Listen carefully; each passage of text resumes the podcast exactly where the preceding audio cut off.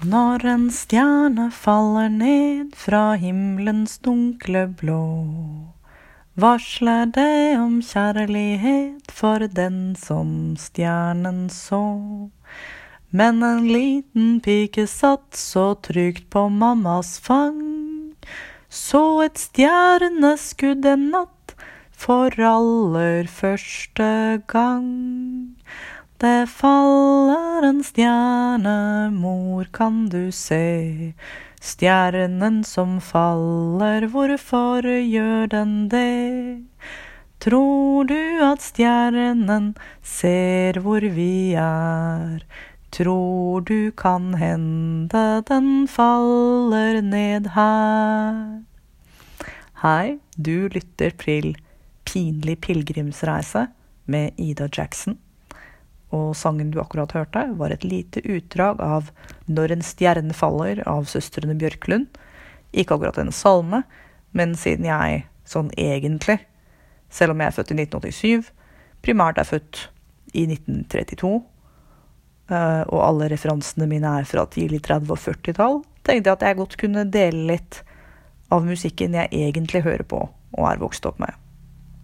Og dagens tema er nettopp stjernene og relasjonen vår til dem. For dagens tema er en liten episode om astrologi. Da jeg var tenåring, så sydde jeg meg en veske med alle symbolene i dyrekretsen og en ekstra stor applikasjon av stjernetegnet for fisken, tegnet jeg har solen i. Det som er, er at når jeg sier at jeg som tenåring var veldig opptatt av astrologi, så mener jeg egentlig at jeg var et slags rart astrologi-vidunderbarn.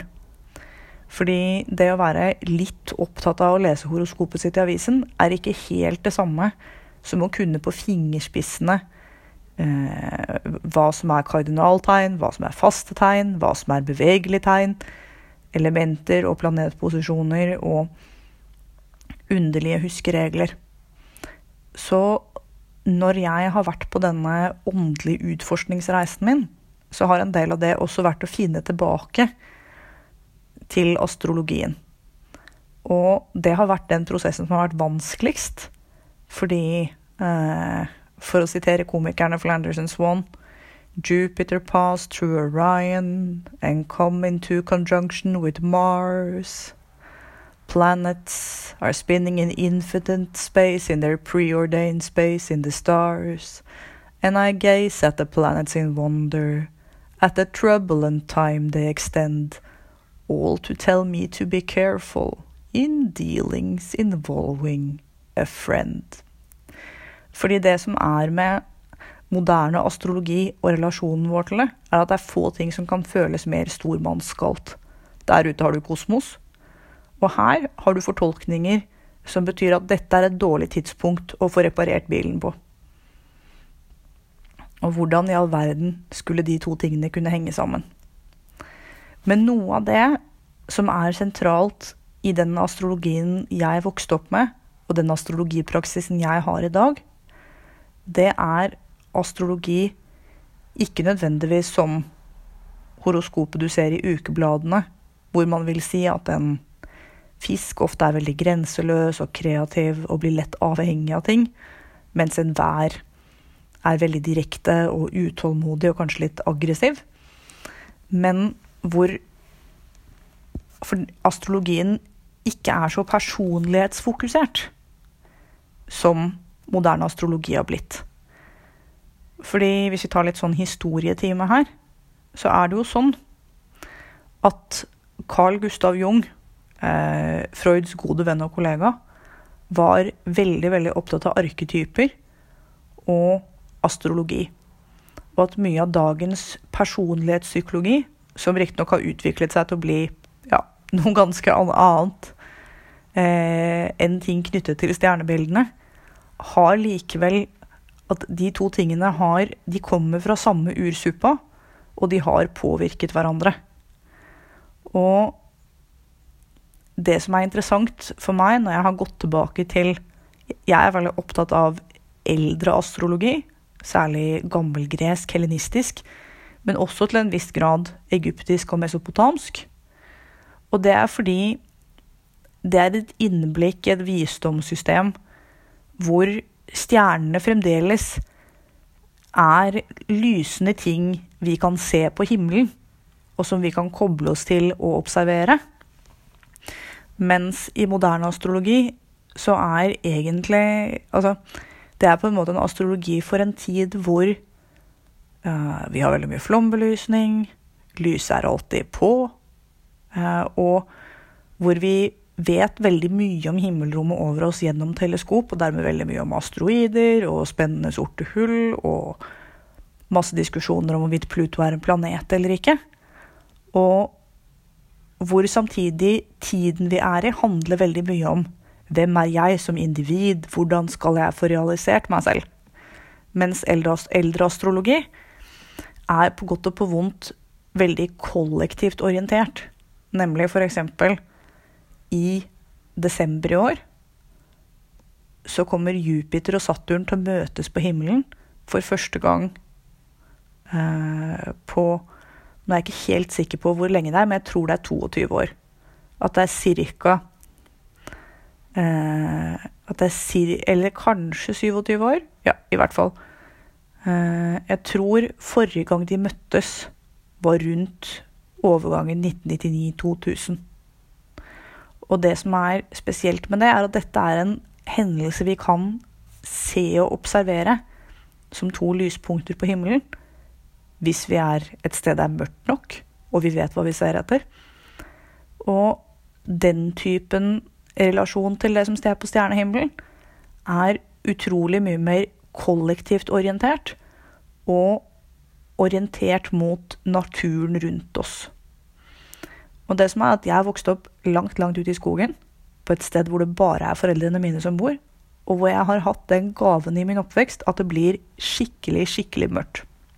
Og jeg har en far som har vært utrolig flink til å se på stjernene. Så han hadde et stort teleskop og var veldig flink til å si nå er Jupiter synlig, kom ut og se på Jupiter, la oss finne Jupiters måner. Og det gjør at når jeg da leser mitt fødselshoroskop og ser at hm, OK, jeg har Jupiter i åttende hus, så er ikke det for meg primært en formulering om eh, hva slags en personlighet en person med Jupiter i åttende hus vil ha, men at jeg vet at det betyr at det øyeblikket jeg trakk mitt første åndedrett, så var Jupiter akkurat mot Nesten mot horisonten, men ikke helt. Det sier noe om posisjoneringen på himmelen. Og grunnen til at jeg syns det er så interessant med den gammelgreske og egyptiske og mesopotanske astrologien, er at dette er på et tidspunkt hvor mytologi og stjerneobservasjoner henger veldig tett sammen, og hvor alle former for tidsregning, kronologi, strukturerende systemer for samfunnet henger sammen med det vi ser på himmelen. Og det er jo sånn at vi fortsatt har en uke med syv dager. Og fra gammelt av, før vi fikk bedre teleskoper, så var det syv planeter vi kunne se på himmelen. Og med syv planeter så er det viktig for meg å si at det er ikke syv planeter slik vi tenker på dem i dag, men eh, fra et geosentrisk perspektiv så finnes det to typer himmellegemer. Det er de som beholder en fast konstellasjon, som et stjernebilde. Og så er det de som endrer seg og flytter på seg. Og i den gamle greske definisjonen av planet, så er det det en planet er. Altså noe som vi ser, og som flytter på seg. Og det gjør at månen og solen i astrologien regnes som planeter, mens de jo strengt tatt er to helt forskjellige, ganske forskjellige ting. Men dette er også noe som eh, Ja. Eh, som jeg har kommet tilbake til i min astrologiske praksis. Fordi noe av det som er som jeg syns er vidunderlig med å følge med på himmelen, er å minne oss selv på at vi er en del av en natur hvor elektrisk lys egentlig er en veldig ny oppfinnelse, og at storparten av menneskehetens historie så har natten vært veldig definitivt natt, og stjernene har vært veldig synlige, og ting vi alle sammen har sett og forholdt oss til. Og denne tilbakeknytningen til himmelen, og det å bruke himmelen som utgangspunkt for ettertanke, ritual, høytid, å finne rytmen eh, Det er for meg både å gå tilbake til min egen barndom, og til ting som egentlig kommer ganske intuitivt for meg, men også til ting som føles som en motvekt eh, til den kristne tradisjonen. Og at på en måte så har du denne ideen om jorden som Ja, som eh, for å sitere en julesang eh, eh, Som denne Jammerdal og Tåresal fra Her kommer dine arme små, og himmelen som noe helt annet separat. Men det som er med solen, månen, planetene og stjernene, er at de er definitivt materielle objekter som vi kan se og forholde oss til og styre tiden vår etter, og som eksisterer uavhengig av om vi tror på dem eller hva vi syns.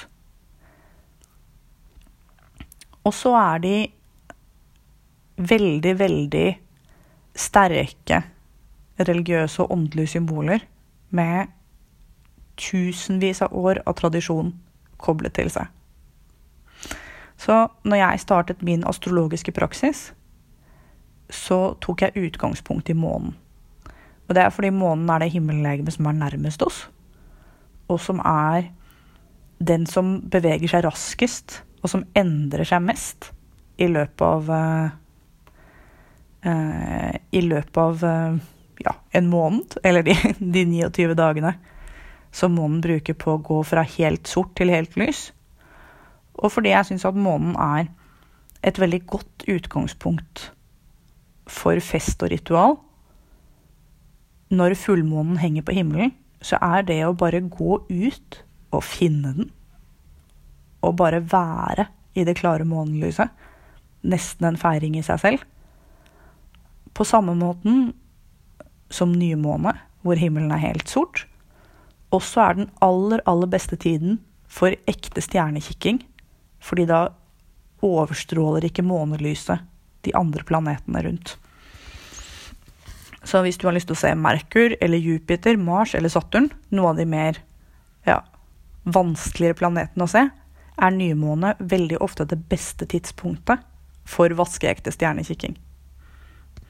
Dette henger da sammen med en annen politisk kjepphest jeg har, som handler om å ha soner med ekte mørke.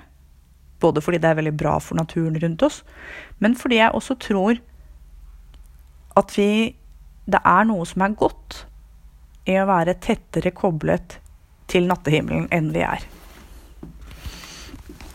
Så vi er nå på slutten, eller andre halvdel av Merkurs retrograd.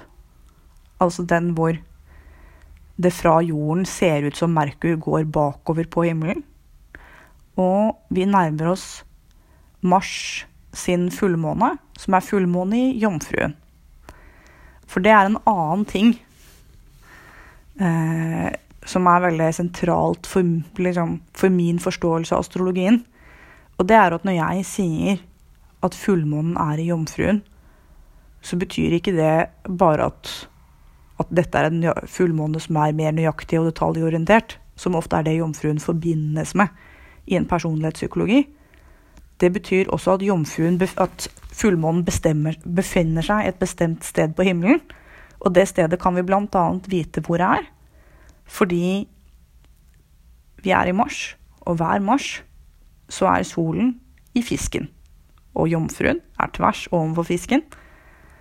Og hver måned har vi nymåne i det tegnet solen er i. Fordi for å få nymåne, for å få helt svart måne, så må solen være akkurat og skygge for månen. Og fullmånen får vi når månen er der hvor den får mest mulig sollys. Det er derfor den er full. Så i hodet mitt så er astrologi også da et verktøy for å se det indre stjernekartet.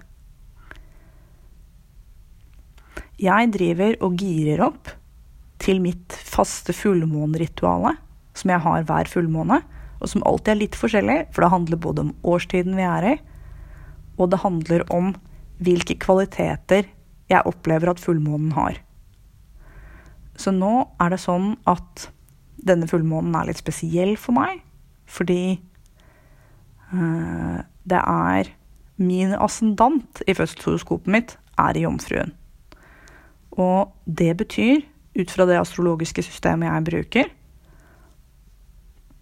uh, som er whole sign houses, som er det som blir foretrukket i tradisjonell gresk astrologi, at der jeg har ascendanten min, er også der jeg har det første huset mitt. Og hvis du nå kjenner at øya går litt i kryss, og du tenker 'å hjelp, Ida, dette er veldig komplisert', så er det korte svaret ja. Det er på en måte tingen med astrologi. Det er liksom alternativbransjens eh, regnskapssystem eller underlige ting. Eh, det bærer veldig preg av at dette er en eldre visdomstradisjon som, som er veldig detaljert og veldig koblet på det gamle greske universitetssystemet, og det tok tid å lære seg. Og veldig mye av øvel, de gammelgreske øvelsene for å bli astrolog minner i struktur veldig mye mer på prognosmata og andre øvelser for å f.eks. bli en god retoriker.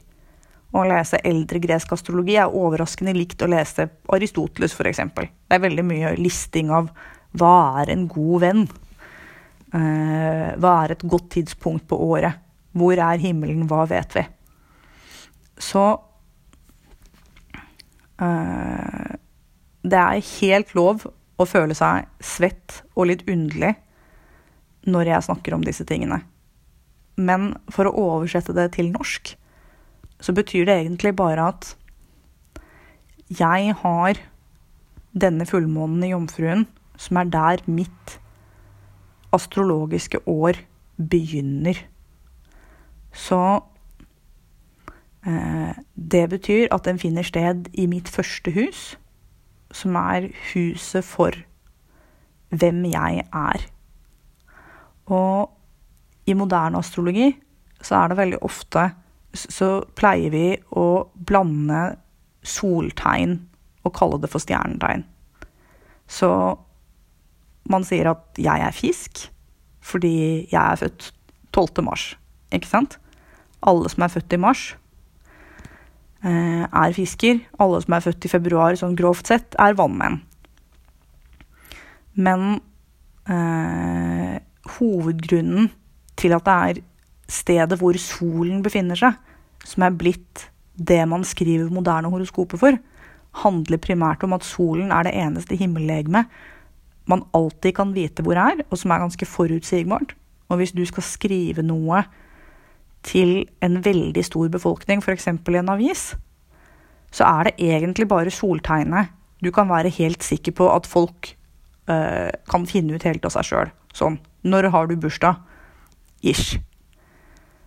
Uh, I prinsippet så er det en del planeter, uh, f.eks. Jupiter og Saturn, hvor alle som er født i samme år, har Jupiter i samme stjernetegn. Uh, I år er Jupiter i steinbukken, så alle babyer som blir født i år, har Jupiter i steinbukken. Du kunne da i prinsippet skrive et horoskop med utgangspunkt i Jupiter-tegnet. Men eh, Eller du kunne skrevet et med utgangspunkt i Pluto-tegnet. som Hvor du da egentlig befinner deg en hel generasjon med folk fordi Pluto beveger seg så utrolig langsomt.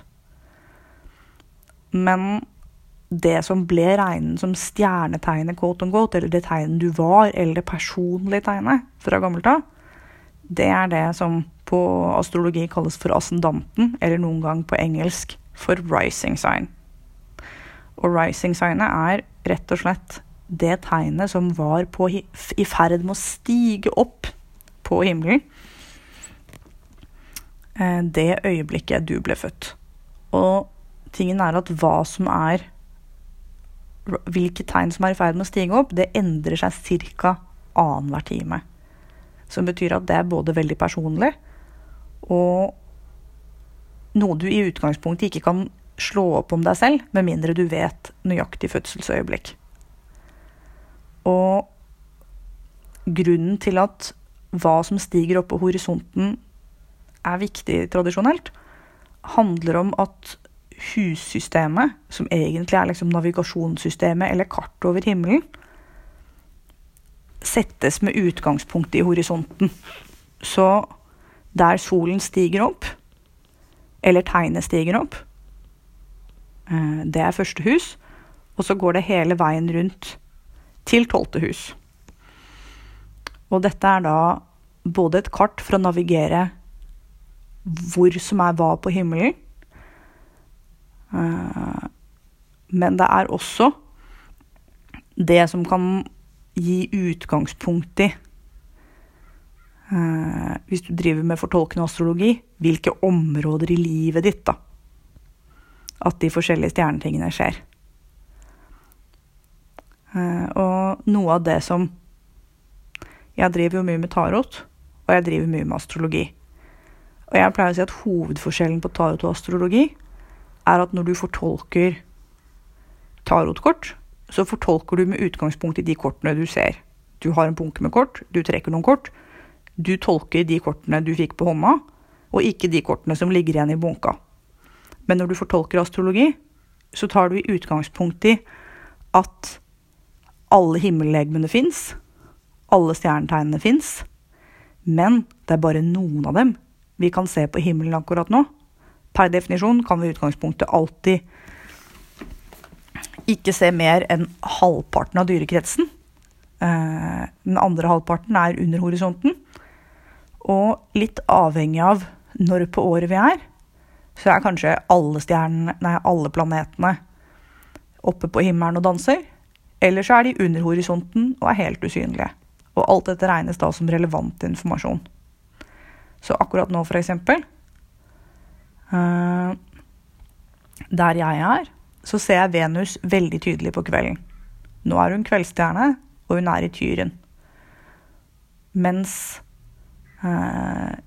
Jupiter, Saturn og Mars befinner alle seg sammen i steinbukken, som jeg ikke kan se, som er under horisonten. Så veldig mye av eldre fortolkende astrologi handler egentlig om kan jeg se dette lyset, eller er det mørkt? Og det er en fortolkningstradisjon som jeg får veldig mye ut av og setter veldig mye pris på. Og liker denne koblingen mellom oss og lyset i mørket. Men ja, fullmåne i Jomfruen, i mitt første hus, eller i ditt første hus, hvis du også har jomfruascendant. Og hvis du er nysgjerrig på hva som er ditt første hus, eller din ascendant, så må du finne ditt fødselsøyeblikk. Og hvis du er født i Norge på et sykehus, så kan du finne fødselsøyeblikket ditt ved å bruke bank-ID og logge deg inn på helsenorge.no og finne fødselsinformasjonen din i Norsk medisinsk fødselsregister. Eller så kan du spørre foreldrene dine. Eh, eller sjekke om du har en babybok hjemme hvor fødselstidspunktet står. Det andre du må ha, i tillegg til fødselsøyeblikk, er stedet, nøyaktig sted i verden du ble født. Dette er også ganske lett hvis du er født på et sykehus. Det kan bli betraktelig mer komplisert hvis du er født hjemme. Med disse to informasjonspunktene så kan du gå på en nettside. Jeg foretrekker astro.com, for der kan du velge Extended Chart Selection. Og når du har gått på Extended charge selection, så kan du velge House System, og jeg velger da Whole Sign Houses. Men i utgangspunktet så kan du, hvis du har lyst til å nøle, slå opp i veldig, veldig mange forskjellige hussystemer. Og det er noe av tingen med astrologi. At eh, så mye av moderne alternativ bevegelse handler om å si 'dette betyr dette'. Mens eh, realiteten er at det fins uendelig med fortolkningsmuligheter, uendelig med hussystemer og uendelig med angrepsvinklinger på disse tingene. Og hvis du går tilbake til de gamle grekerne, så er de, som akademikere flest, veldig, veldig, veldig uenige med seg selv om hva Mars betyr. Men som et utgangspunkt så kan du gå på astro.com, ha fødselsøyeblikket ditt, ha stedet du ble født, legge det inn, og så slå opp ditt eget fødselshoroskop i Whole Sign Houses. Og da kan du se eh, både hvilket hus som er eller hvilket tegn som er ascendanten din, og hvilket hus fullmånen er i akkurat nå. Så kan du også se hvilket hus som er i fisken, fordi det er i fisken og vannmannen at Merkur har vært retrograd den siste tiden. Og så kan du se hvilke tegn du har i steinbukken, fordi steinbukken er der hvor vi har en stor kladeis med planeter akkurat nå, og hvor det skjer masse. Og når jeg sier at det skjer masse, så mener jeg egentlig at eh, der befinner planetene seg Der er planetene uvanlig tett akkurat nå.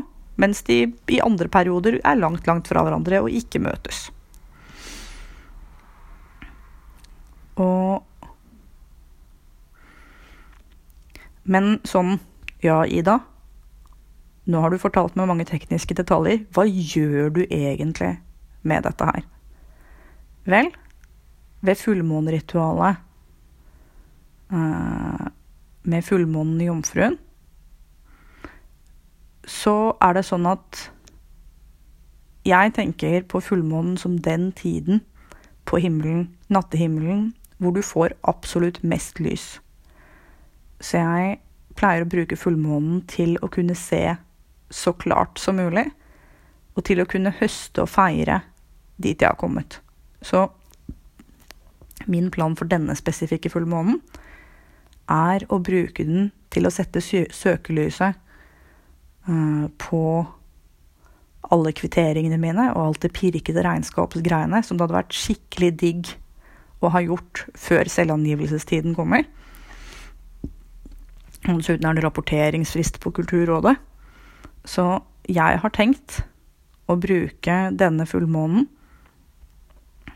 som en slags regnskaps- og revisjonsfeiring. Men jeg tenker også på det som en velkommen vår-fullmåne, fordi dette er jo også koblet med årets gang og årstidene.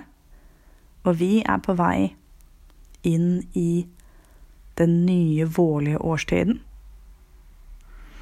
Og neste gang solen flytter seg over til et annet tegn, så er vi i væren. Og i mm, mange astrologiforståelser så er væren det første tegnet i dyrekretsen. Fordi det er da våren kommer her på den vestlige halvkule.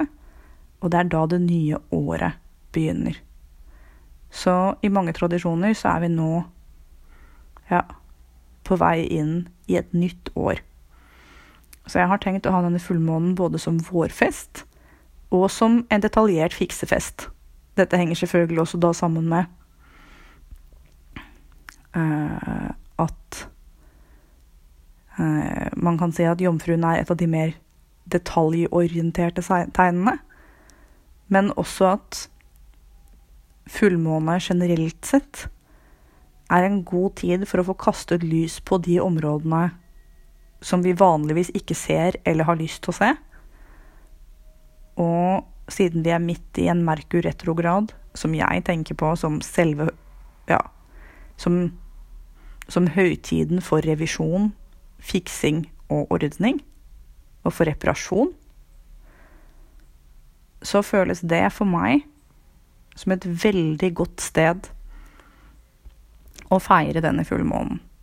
Men også bare sånn helt konkret, så kommer jeg selvfølgelig til å finne ut når månen står opp, og ta med sønnen min ut for å se på den. Så hvis du har lyst på ditt eget månerituale, så kan du gå i teksten som hører med til denne episoden, hvor enn du hører på.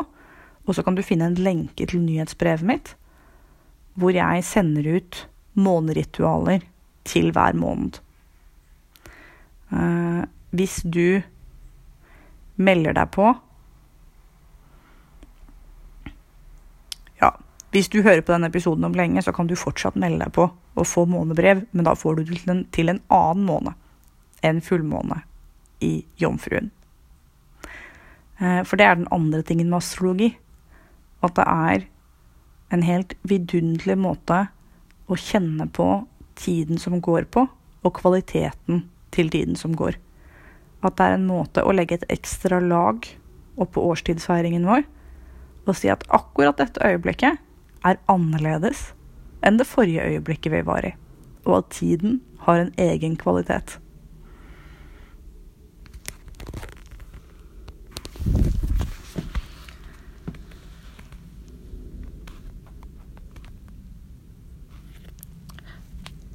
Og dette var egentlig det jeg hadde for i dag. Så blir jeg som sagt veldig, veldig glad for å høre tilbake fra deg.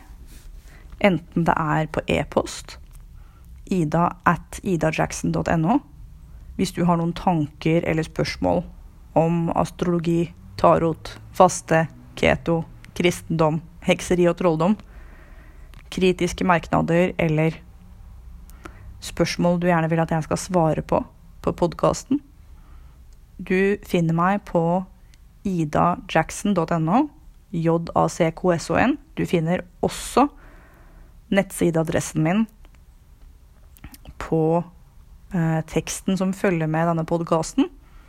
Der finner du også lenke til astro.com for å stille ditt eget fødselshoroskop. Eh, hvis du er interessert i mer tarot og astro Én ting er som sagt å melde seg på nyhetsbrevet. Den andre tingen er å følge alfakrøll tarot nederstrek ida på Instagram. Der finner du også lenke til den vanlige Instagrammen min hvis du helst vil følge Forfatter meg. Så kommer jeg til å avslutte denne episoden med litt grann reklame for meg selv. Du skjønner, jeg har skrevet en svartebok, og jeg skulle ønske at det var en 100% heksebok, men vet du hva? Det er heksing om ting som er kanskje viktigere for deg enn fødselshoroskopet ditt. Den handler nemlig om penger og om arbeidsliv, om alle de gode triksene jeg og Helena Brodkorp har lært sammen i vårt felles, ganske underlig brokete og mangfoldige arbeidsliv. Så Helena har mye erfaring med å være arbeidsleder, og jeg har mye erfaring med å jobbe for meg sjøl. Og så har vi startet, vært med å starte en bank og snakket med veldig, veldig mange mennesker om pengene deres i forbindelse med det.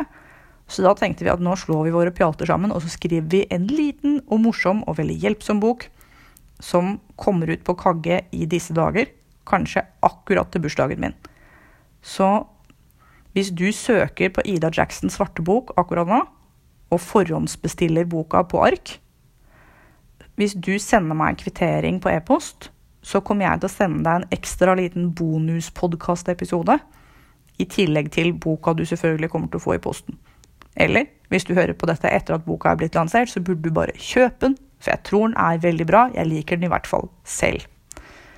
Eh, ja, dette er den første reklameinnlegget på dette, denne podkasten, og jeg er da altså sponset av meg selv. Ida Jackson. Eh, jeg får ikke noe penger av ark, men de selger jo boka mi, og det er jo bra. Tusen, tusen takk for at du hørte på. Jeg er utrolig glad for hver især som er med meg på denne pinlige pilegrimsreisen og dette morsomme, morsomme eksperimentet. Tusen takk for meg. Vi høres neste fredag.